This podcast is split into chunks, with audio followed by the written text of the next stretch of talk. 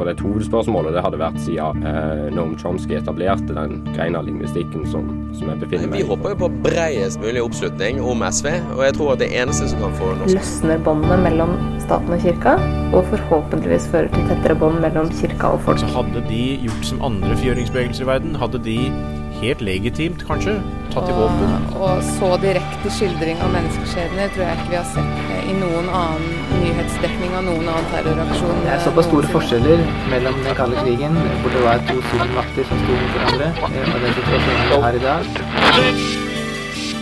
Du hører på samfunns- og aktualitetsmagasinet Opplysningen 99,3 på Radio Nova. Opplysningen 99,3 på Radio Nova.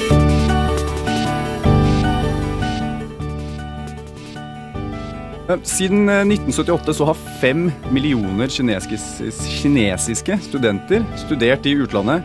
Og i 2017 ble det slått ny rekord med i overkant av 600 000 studenter som dro til utlandet for å studere, ifølge China Daily. Eh, veldig mange velger å dra til USA, men Norge har også blitt en potensiell destinasjon for mange studenter. En av de som har kommet til Norge, er eh, Kit Lee, som er medlem av styret i Chinese Students and Scholars Association in Oslo. Velkommen, Kit Lee. Hello. Very good to have you in the studio. We'll uh, we'll do this in English, but I'll just tell all the listeners that you do speak very good Norwegian with a, a, very charming Stavanger dialect. That shouldn't uh, be mentioned. Yeah, yeah. but uh, but we'll do it in English just for uh, practicalities. Great. Um, so, uh, could you very quickly tell us about uh, yourself and why why you came to Oslo to study. Okay, so um, I was actually uh, accepted in Chinese university, and after one and a half years, I decided to uh, how do you say try something different. So uh, I was especially interested in uh, Scandinavia countries. So that's why I decided to come to Norway uh, back in 2014, and I learned Norwegian and then started to do my bachelor here. Mm-hmm. And you're studying at um, BI, correct? School, yes. And uh, it's my understanding that BI is actually a very well-known school in China. There's a BI and uh, the University of Fudan in Shanghai. They've had an MBA program together since 1996. Um, so, what is the general impression of uh, Chinese students when they think about Norway? Is that a destination that many people think about when they're going to study abroad? I think in general, I think Norway or Scandinavia in general is, re- is really considered exotic for Chinese people.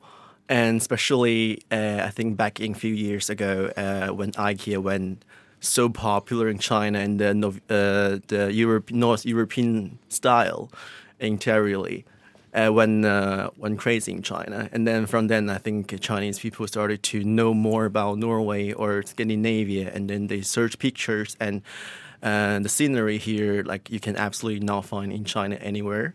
So I think uh, based on that, more and more people are interested in come to Norway. Hmm. Yeah, because there's definitely been a lot more tourism. Exactly. Um, so, um, how many Chinese students are there in, in, in Norway at the moment?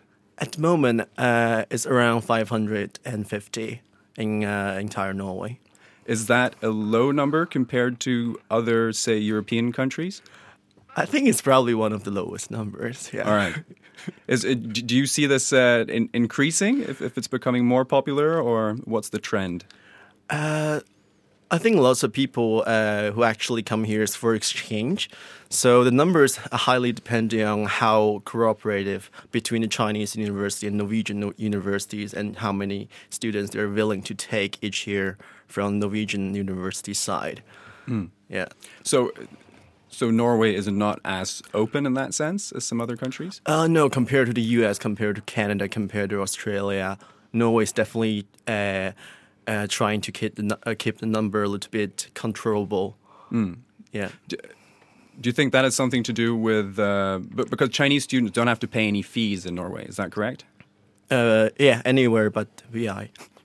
Uh, okay, yeah, of course, BI is a private institution, but that maybe that has something to do with why that there's less demand here for foreign students. Because, yeah, exactly. Yeah, because. Uh, uh, you guys have limited uh, education resources, so it's for a few selected people. That makes sense as well. Mm. Yeah.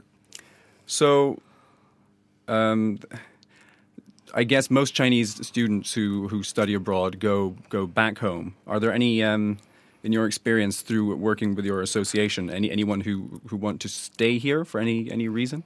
Uh, actually, I think around 50-50. I think 50 Oh, really? people wants to stay here. But the thing is, like as I mentioned, most of the student here, Chinese student, they are exchange students, so they don't uh, necessarily know the Norwegian language. So it's not as easy for them to find an actual job job here in Norway. So I think most of people would like to stay here, but uh, th- for those who went back, I think most of them is just they couldn't find a job, so they have to go back. What um, if I was an employee employer in Mm-hmm. China and I looked at someone's CV and it said that they had studied in Scandinavia? Uh, would would this be a, a positive thing? Sort of, what, what kind of skills are people bringing back? Uh, I don't know if it's a necessary. uh, what is positive is just you, if you graduated from a really well-known university, for example, Harvard or uh, Princeton, something like that. Yeah, we that don't would- have that many of those. but uh, uh, of course, it's a huge plus uh, if you have an overseas uh, studying experience. Uh, I think uh, the employers, Chinese employer, they connected overseas studying experience uh, to um, uh, uh, you can speak really well English. So. Um, so I think yes, if you study in Scandinavia, probably employers will, yeah. what about Norwegian? If you can speak Norwegian, is that in any way beneficial, or is it a waste of time? That's a waste of time. well, we appreciate that that you've spent the time anyway. We Yeah, at I- least five million people appreciate it, although that's a small village in China. Um, so please tell us more about this um, association that you're a member of, the uh, Chinese Students and Scholars Abroad. Um, well, there's an in Oslo, in the one you are in, but um, this is organization that is in every country where China has exchange students, I believe. Uh, it's everywhere where China has uh, embassies. Okay. Yeah. So that would be my follow-up question. So it's um, it's directly connected to the embassy, and there's been some controversy previously in the U.S. Um, people reporting about how much um, um, this organization may or may not be controlled directly by the embassy. Would you care to comment on your own experience here in Oslo? Yeah. So basically, our organization is just uh, because each embassy they have different uh, department, and education department is one of them. And so this organization is created by the education department uh, from the Chinese embassies in different countries.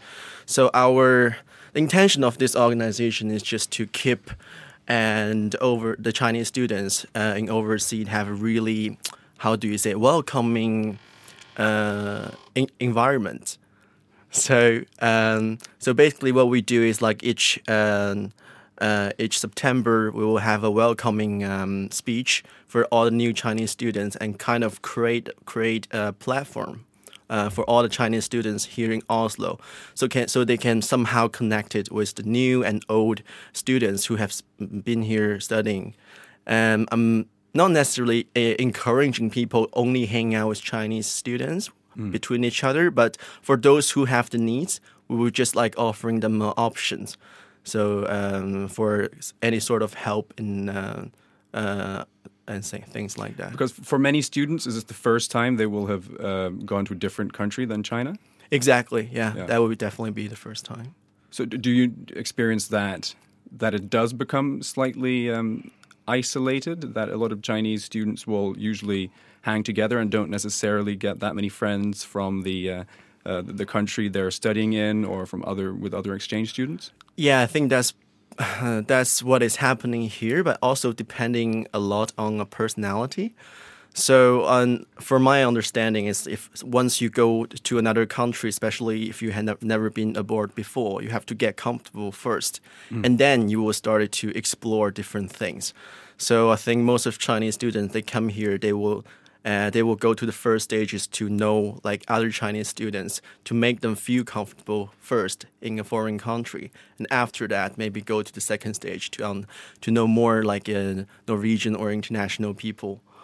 So, do you have any tips to uh, finally rounding off 10 second uh, tips to uh, Norwegian students who want to uh, get more uh, in touch with the with Chinese in Norway?